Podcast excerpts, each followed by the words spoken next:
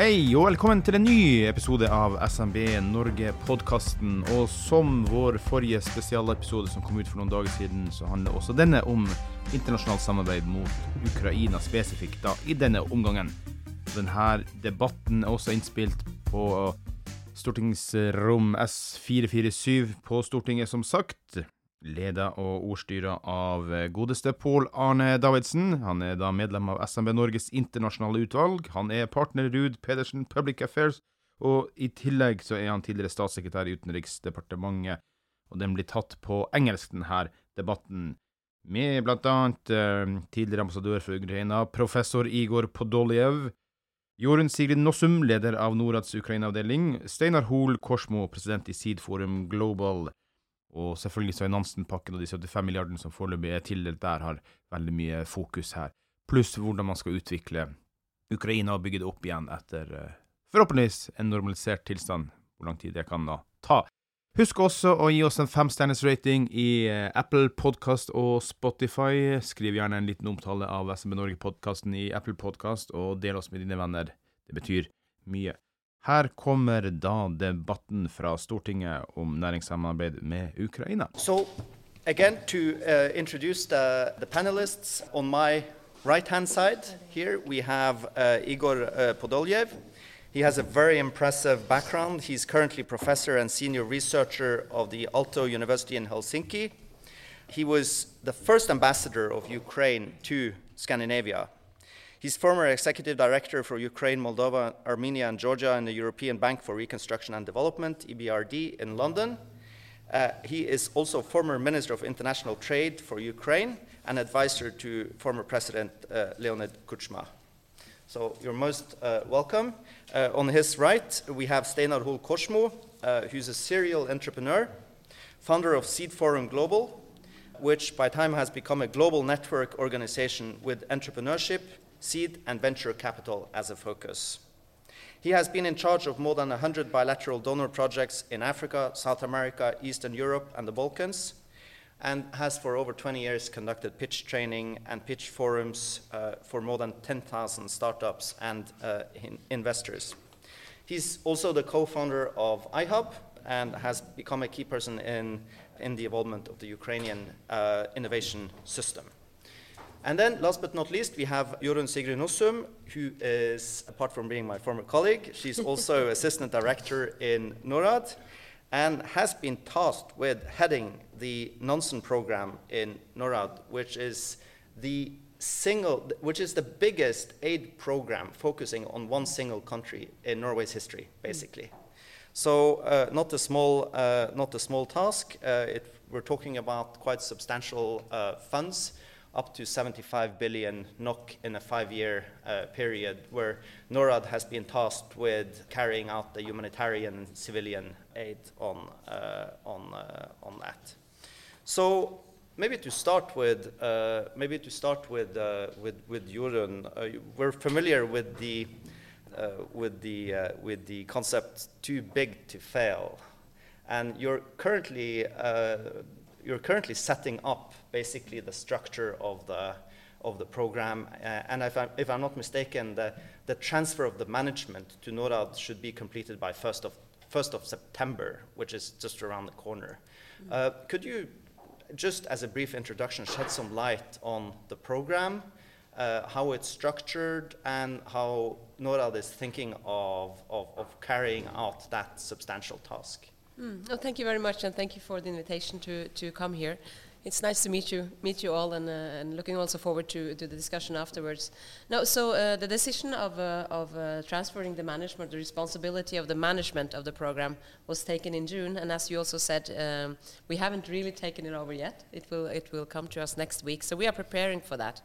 But I think it's important to say, and my colleagues in the ministry, they are not here, but it's important to say that the decision of moving the program to, to NORAD does not sort of reflect any lesser priority from the minister's side.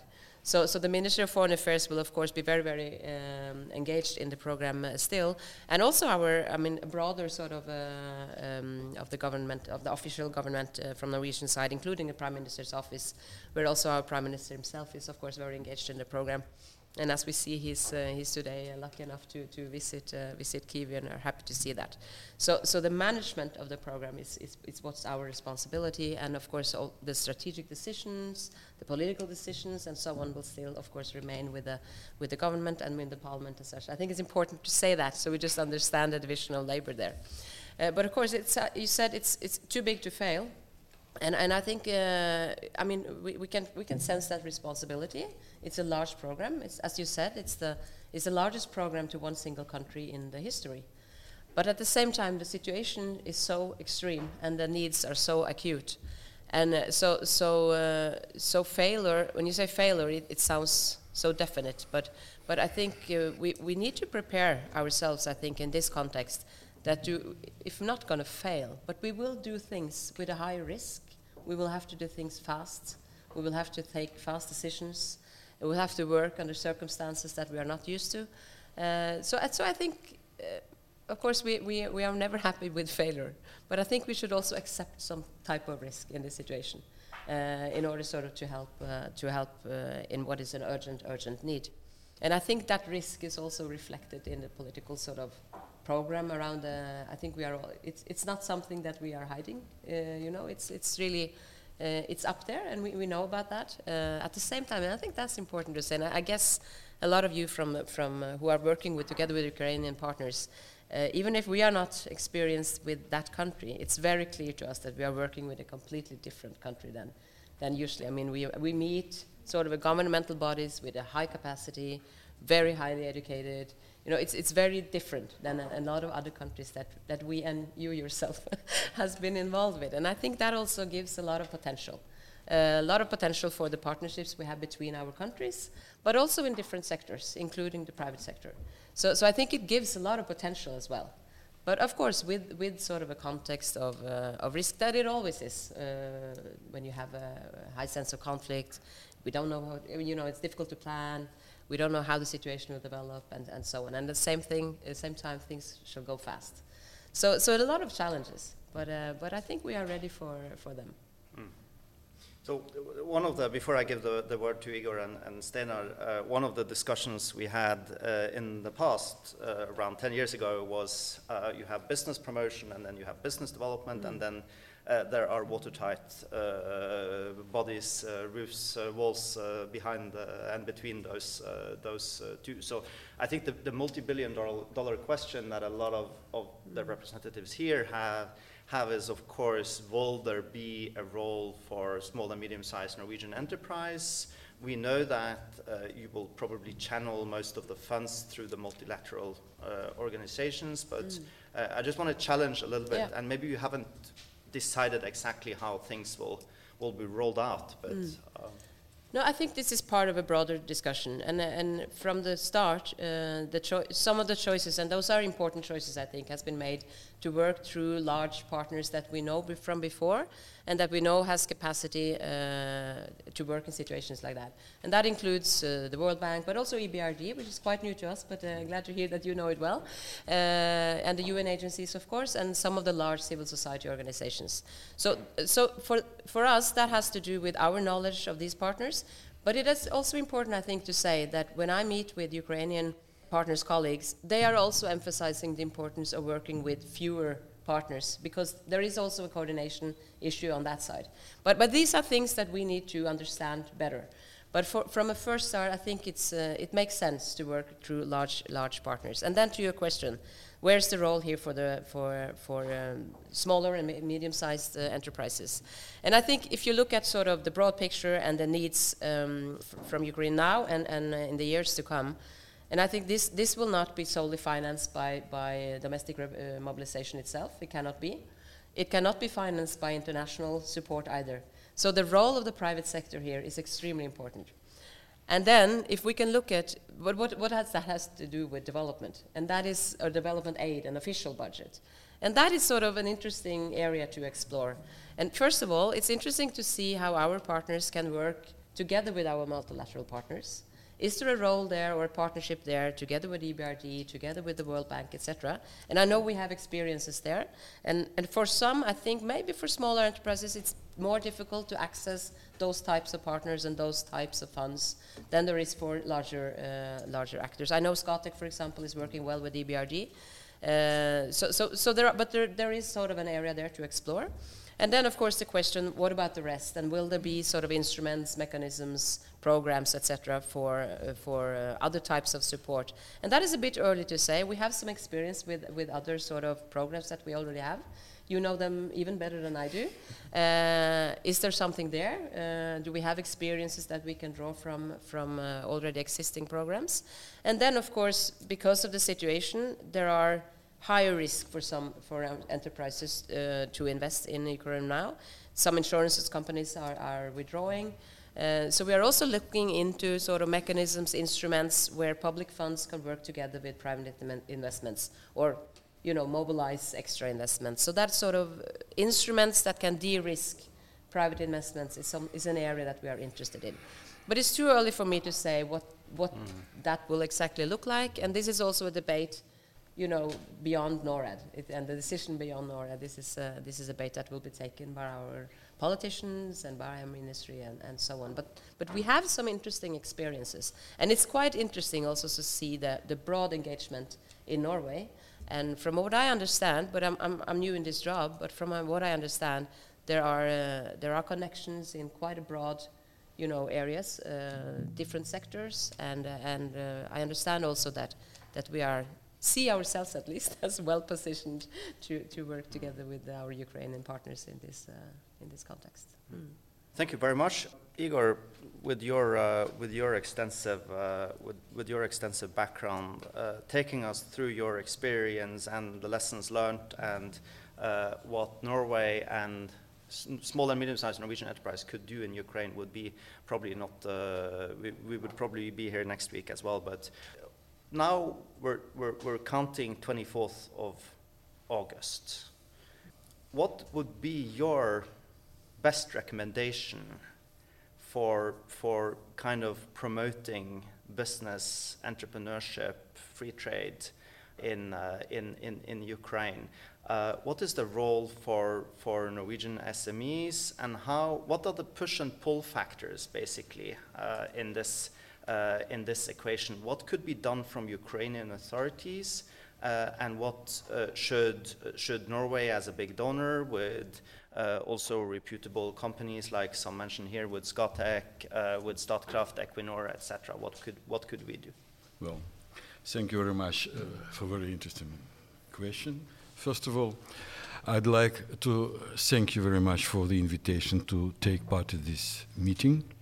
Secondly, Thank you very much again for uh, congratulations with the Independent Day of Ukraine, and thanks a lot to the Norwegian Parliament and to the Norwegian government for the unbelievable present for, for our Independent Day, because your fund, Nansen Fund, is really unbelievable um, for the current economy.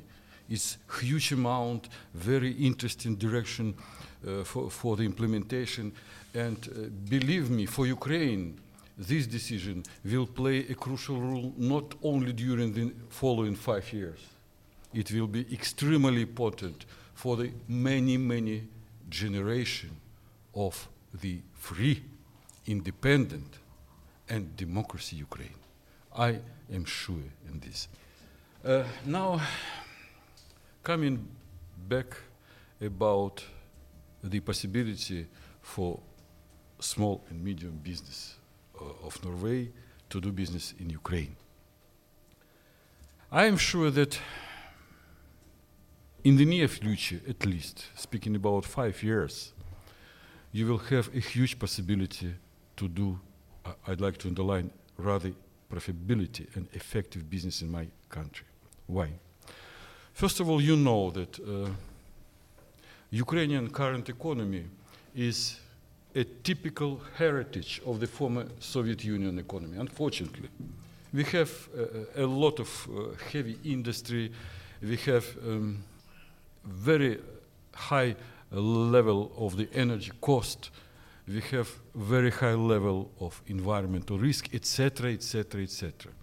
That's why I am sure that now we have to speak not about Ukrainian needs to rebuild the economy. We have to speak about to construct, to build absolutely new economy on the modern high technical level or basis and plus with zero level corruption. This is extremely important for any business, but especially extremely important for small and medium sized businesses. Of course, Ukraine will continue to be industrial and agrarian country. It's no doubt. But speaking about industry of Ukraine, I am sure that industry of Ukraine has to be dramatically uh, restructured. First of all, number one priority is, uh, of course, agricultural sector. I would like to explain why. Because Ukraine was the breadbasket for Europe coming back in our time. Ukraine is maybe, maybe the same on the same level. Only one figure. Uh, one year ago, when a little bit more, when uh, you know this uh, grain export agreement with participant of uh, Turkey and Russia Federation was signed, uh, in Odessa, Ilyichovsk, and Nikolaev, there were altogether more than 32 million grains. You know, 32 million grains. It marks that Ukraine was, is, and believe me, will be one of the best exporter of the agricultural products. It's understandable. But now this, uh, this sector of economy has a very difficult and very dangerous problem because a lot of land now were mined by the Russian troops. I am speaking about the area between 180 till 200,000 square kilometers. Ladies and gentlemen, it means that practically, it, it means the half territory of Norway. That's why I am sure that speaking about the following at least five, six, seven years, the main rule in agricultural sector will play medium and side business. Not only Norwegian, of course, it's understandable, and Ukrainian, and uh, from other countries. But in any case, only one remark. The scale of the land is much more simply synchronized with the scale of the mining. You know, that why, that why I am sure that this process, by the way, has just started, but in the near future, it will be to increase dramatically. Uh, secondly, speaking about the industry. Oh, sorry. If you only one remarks about agricultural sector, I am very sorry. Of course, it doesn't mean that only small medium business will be the key players. Of course, this sector needs a lot of support from international business. If you, uh, words and I stopped. For example, you know, you know our seaport terminals, Odessa, Nikolaev, Kherson, uh, Izmail, Reni, etc. They are totally destroyed. Mm. Totally destroyed. Before the war, Ukraine had very developed, uh, very developed infrastructure. 344 elevators, bunkers, etc., etc. 75 totally destroyed now, etc., etc. I don't speak about other. And of course, this is the area for big business, partly small, but previously for big uh, companies. Thank you.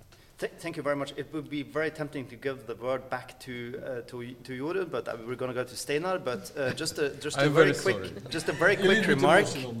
Uh, in in recent years, in recent years in in uh, Norway, we have seen oil for development. We have seen fish for development. Uh, we have even seen tax for development. So the question would be, you're not going to be allowed to answer that now, uh, and maybe for the political panel as well. Will we see agriculture for development because that would fit, fit neatly with the with the minister, uh, development minister's priorities? But uh, let's leave that a little bit and then give the word to uh, to Steinar Korsmo, um, and focusing on the innovation infrastructure of a country. What is your what is your experience working with Ukrainian partners uh, for the last uh, for the last decade or, uh, or or so? What are the lessons learned, and how could we how could we establish more interaction bilaterally? There are lots of opportunities. By the way, Slava Ukraina. I need to say that first. there are, are, are lots of ways of doing that. But uh, first of all, um, I've been a part of basically creating um, a very important part of, let's call it the backbone of the Ukrainian innovation system, innovation ecosystem for Ukrainian startups for the last 15 years. There are um, many different things that needs to be done in Ukraine to build, you know, an innovation ecosystem 2.0. I'm not going to brag about what we've done already, but there is a major need to create. Um, um, first of all, if we think uh, vertical, I think first of all one needs um, support support programs to basically uh, create a volume of uh, startups within different industries we basically need uh, to build uh, the backbone further to what is built currently. That means co-working stations. Um, we need to strengthen the national uh, coordination in Ukraine, which is currently done by the so-called Ukrainian Startup Fund mainly, uh, for basically uh, evolving the further Ukraine innovation system to 2.0, and as well in thinking that um, I think it was more than 70% of the technologies in the former military industrial complex of Ukraine, was actually evolved in Ukraine. There is a major inheritance in Ukraine uh, under the research institutions and universities, basically research institutions under the Ukrainian Academy of Science, which is very oftenly forgotten. This is an enormous potential not only for Ukraine, but also in a major cooperation with Norway for, let's say, spin-offs of, of, technologies. So this is, in a way, what I would say as a horizontal things that needs to be done or supported. Secondly, if we think, sorry, verticals, if you think about um, the horizontal uh, thinking, definitely one needs to build the current innovations uh, ecosystem and the backbone in, UK, in Ukraine to a regional level, because right now it exists in the big cities Kiev, Lviv, Vinnytsia, partly Odessa, and some more cities, but it needs to be strengthened on the regional level. One needs to create acceleration. By the way, the Ukrainian Startup Fund is possibly the only national development agency. It would be comparable to a beginning as we have of Innovation Norway, right, in Norway um, a very powerful state-supported finance acceleration program, right? And this is very important to, to, to strengthen. Go-to-market means cooperation between uh, Ukrainian, the Ukrainian startup community and the Norwegian, for instance, Ukrainian startup, uh, startup community, and as well access to finance. Not necessarily access to private equity finance, but in a broader manner, access to finance. And who would be the focus groups for this? Um, I would really hope that in a further cooperation with Norway, right? Um, well, hopefully under the, the Nansen Fund uh, support scheme, um, one would need particularly to focus on support to SMEs funded startups founded by veterans. Currently, if I remember the number correctly, it is more than 1 million veterans in Ukraine, and uh, obviously not that number of wounded veterans. Uh, but that would be very important to support veterans to do to actually involve into um, to, to startup activity. One would need to think youth. We have young entrepreneurship in Norway, Ungt Entreprenørskap. Uh, we only see start of that in Ukraine and an interface into the educational system. Females, female entrepreneurship, and definitely again, academians. Now, how does this fit with Norwegian SMEs? In our iHub in Kiev, 2,600 square meters, 100 meters from the center of Maidan, the biggest co-working station in Kiev. Um, we have had major troubles with the war, obviously, uh, and evacuations on the 25th of February last year. But currently, uh, the activities in, is back in business. All those, by the way, who we evacuated last year are back in Ukraine. All of them, 100% of those startups which were evacuated in February last year are back in Kiev, back in Lviv, back in Vinnytsia, right? Because they're evolving again back to business. And their business which they did before the war started. The opportunity of um, making contacts right between this and uh, the Norwegian startup community is tremendous. Also in partnerships and strategic new ways of partnerships with evolving the Norwegian SME sectors into cooperation with Ukrainian SMEs, exactly into what Igor Podoliev just mentioned, into the respective industries uh, of Ukraine. And right now we see that what is the main focus main focus, I think, really, from the Norwegian startup community is within information technologies. But this has to be evolved further on to renewables, to other ways, not necessarily only within IT. So, Jorun, renewables, agriculture, ICT, does, does it ring a bell? Is it in line with the, with the priorities and what you're discussing in the, in, uh, in the development agency? No, I mean, uh, energy obviously has been a huge part of this. Uh, and I think energy is always a huge part of any type of a, of a situation like this. But, but of course, also the Norwegian response here has been crucial. for 2022, I think 35% of, uh, of the support from Norway uh, was in energy. And, and I think that will sort of, we don't know the size of that, but it will remain uh, an important sector. I also learned, I'm learning, you know, I'm also here to listen and learn, just, just to say that. Um, but IT is also, and I was surprised to hear, I heard that from your colleagues, that, uh, that uh, in the IT sector, I think it's up to 98% of that cooperation has remained. So, so that is really not a sector where, where think, things have dropped, and that is quite impressive. I think it's also very inspiring listening to you to hear uh, the you know 100% of startups actually coming back. So so it's it's an interesting situation of balancing sort of acute humanitarian needs and response that are still there, and we shouldn't forget that. But at the same time, balancing that with sort of very promising potential and development, and then that sort of eagerness. But when it comes to potential sectors, obviously, energy will be there, uh, and that's also if, if there is any sector where, Norwegian, where Norway has a comparative advantage. It, must be there. IT sector is, is obvious. Uh, you asked, is there anything like an agricultural program, agriculture for development? Yes, there is. that was established a couple of years ago, but that is of course focused on uh, on uh, different countries, poorer countries in uh, in Africa. But those countries are also heavily influenced by by this situation. So, so this, uh, the, the, war here has, has global consequences that we also see in other areas where we work. So we shouldn't forget sort of those needs uh, as well. But, but it's interesting to hear, to hear your list of, of uh, where you see, see the needs. And, and there are three areas that we are asked by the ministry to explore before November, and that is um, how to mobilize private investments. Mm. So look into instruments and, and mechanisms for that. Mm -hmm but also to look into uh, is there any potential here for institutional development? And we're thinking public institutions, and that includes academic institutions that you also mentioned. And the last one is to see how one could support civil society organization in Ukraine. Because now a lot of the funds are channeled through international large civil society organizations.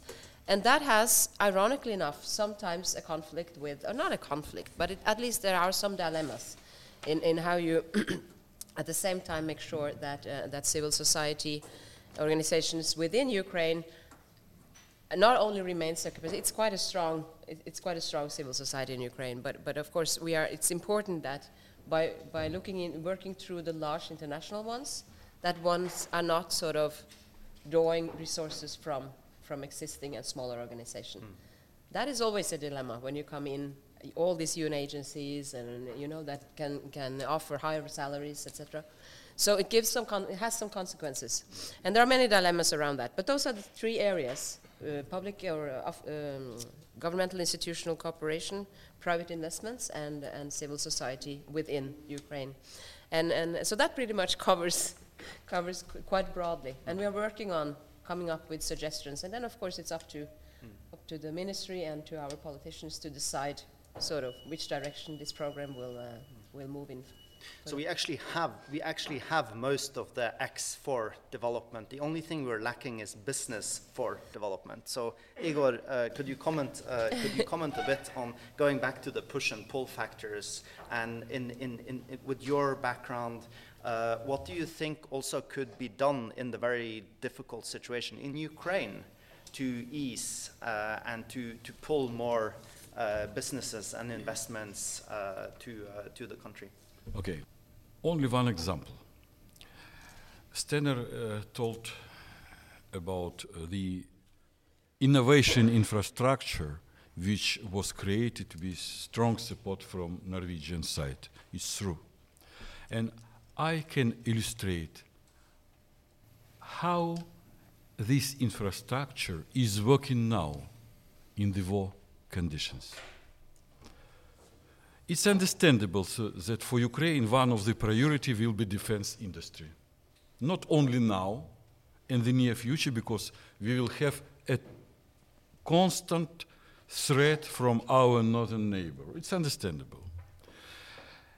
And now, the structure of our defense industry is in the process of restructuring. Only one example. Uh, speaking about one year and a half previous, I mean war time, uh, there were more than 50 kind of military drones created in Ukrainian startups, by the way, startups. The day before yesterday, new one among them was new one uh, strike drone with distance between 10 and 1200 kilometers and weigh ahead 75 kilograms. I don't speak about uh, the speed. I can underline that, and uh, the cost of this product will be extremely low, even compared with Iranian, you know, Shahed drones. That's why this absolutely new drone will move to the army two days ago, and we will have to wait the result of this weapon in the near future. What's important? All these 50 plus kind of drones were constructed by small startup collectives, three, five, maximum 10 person, uh, persons, and the production base, once again, small and medium sized enterprises I know that this is uh, the latest model. Altogether, 52 or 55 persons were involved in the technological process. That's why I am sure that, and your small and medium sized business, which has a huge high tech experience, will be involved in the near future with support of your fund, honorable fund, to this process and it, will, it will be extremely important for Ukrainian uh, during the war conditions, but it will be very, very profitable export product in the post-war time. Thank you. Uh, thank you very much uh, for, uh, for also drawing attention to not only the civilian humanitarian aid, but also uh, the, the, the, more high level foreign policy, uh, defense policy, that is impacting on, on Ukraine's ability to, uh, to, defend, uh, to defend itself. We will, we will touch more on that uh, in, the next, uh, in the next panel. I think uh, time flies. if there are any questions in the, in the audience, um, so please.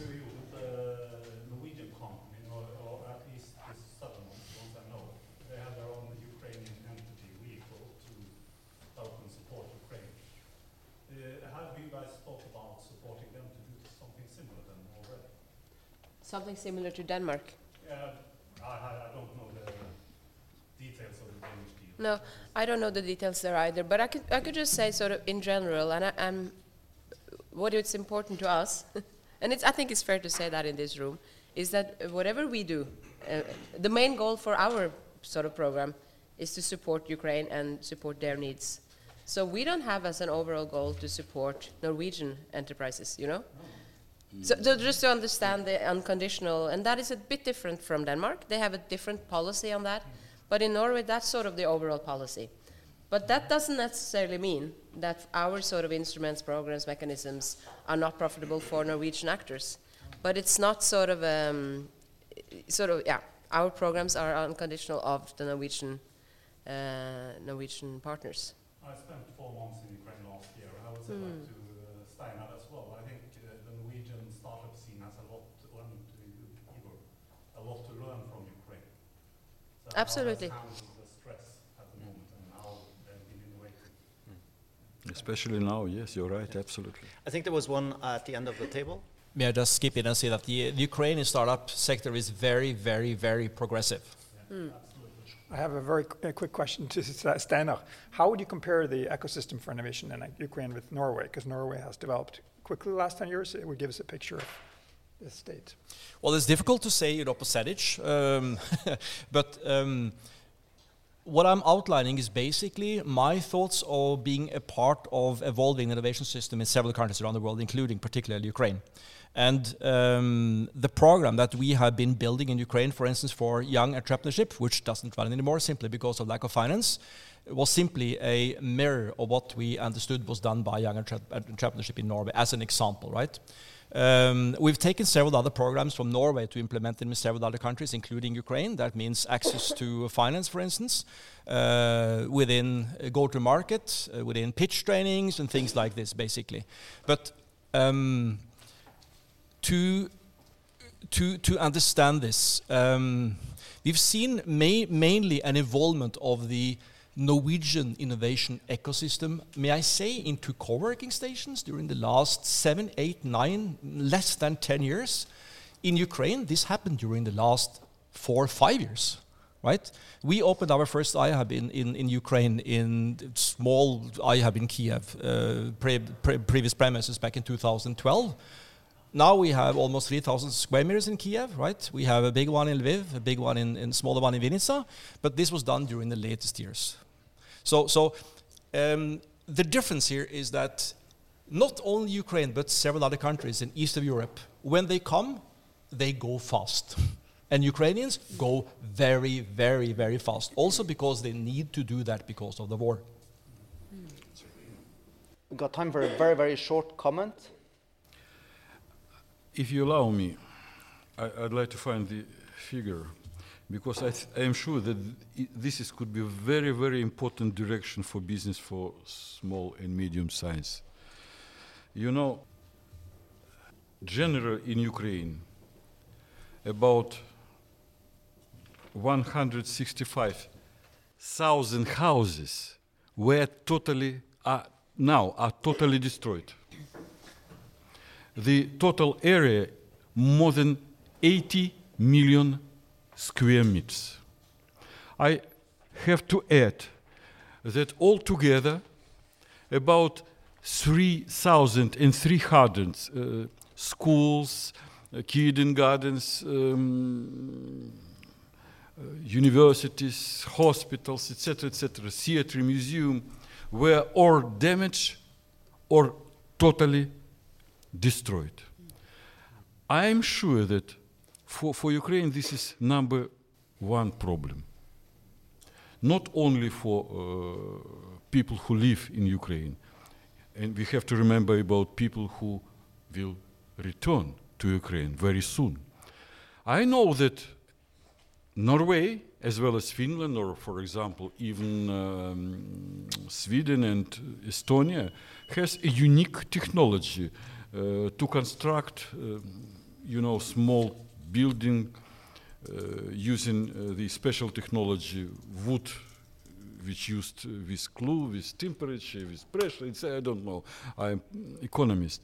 But for Ukrainian conditions now, this is extremely important. And it seems to me this is the business for small and sm- medium size of company.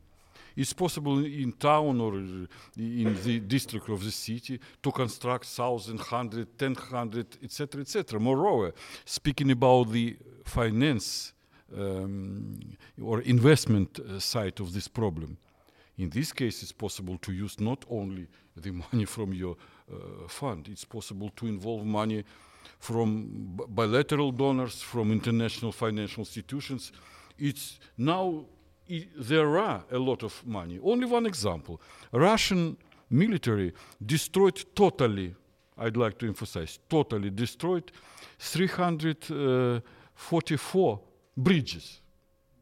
And small and medium-sized business is not going to wait the end of the war. It's clear. And now, now, 12 bridges with railway rebuilt, and 85 temporary bridges built already. This is vivid example, and I am sure that speaking about housing, eh, about social, sorry, infrastructure, now there is a time to start the activity, and Ukraine needs a lot. Thank you. By that, thank you very much. It's time to start. Applaud the, uh, the panel.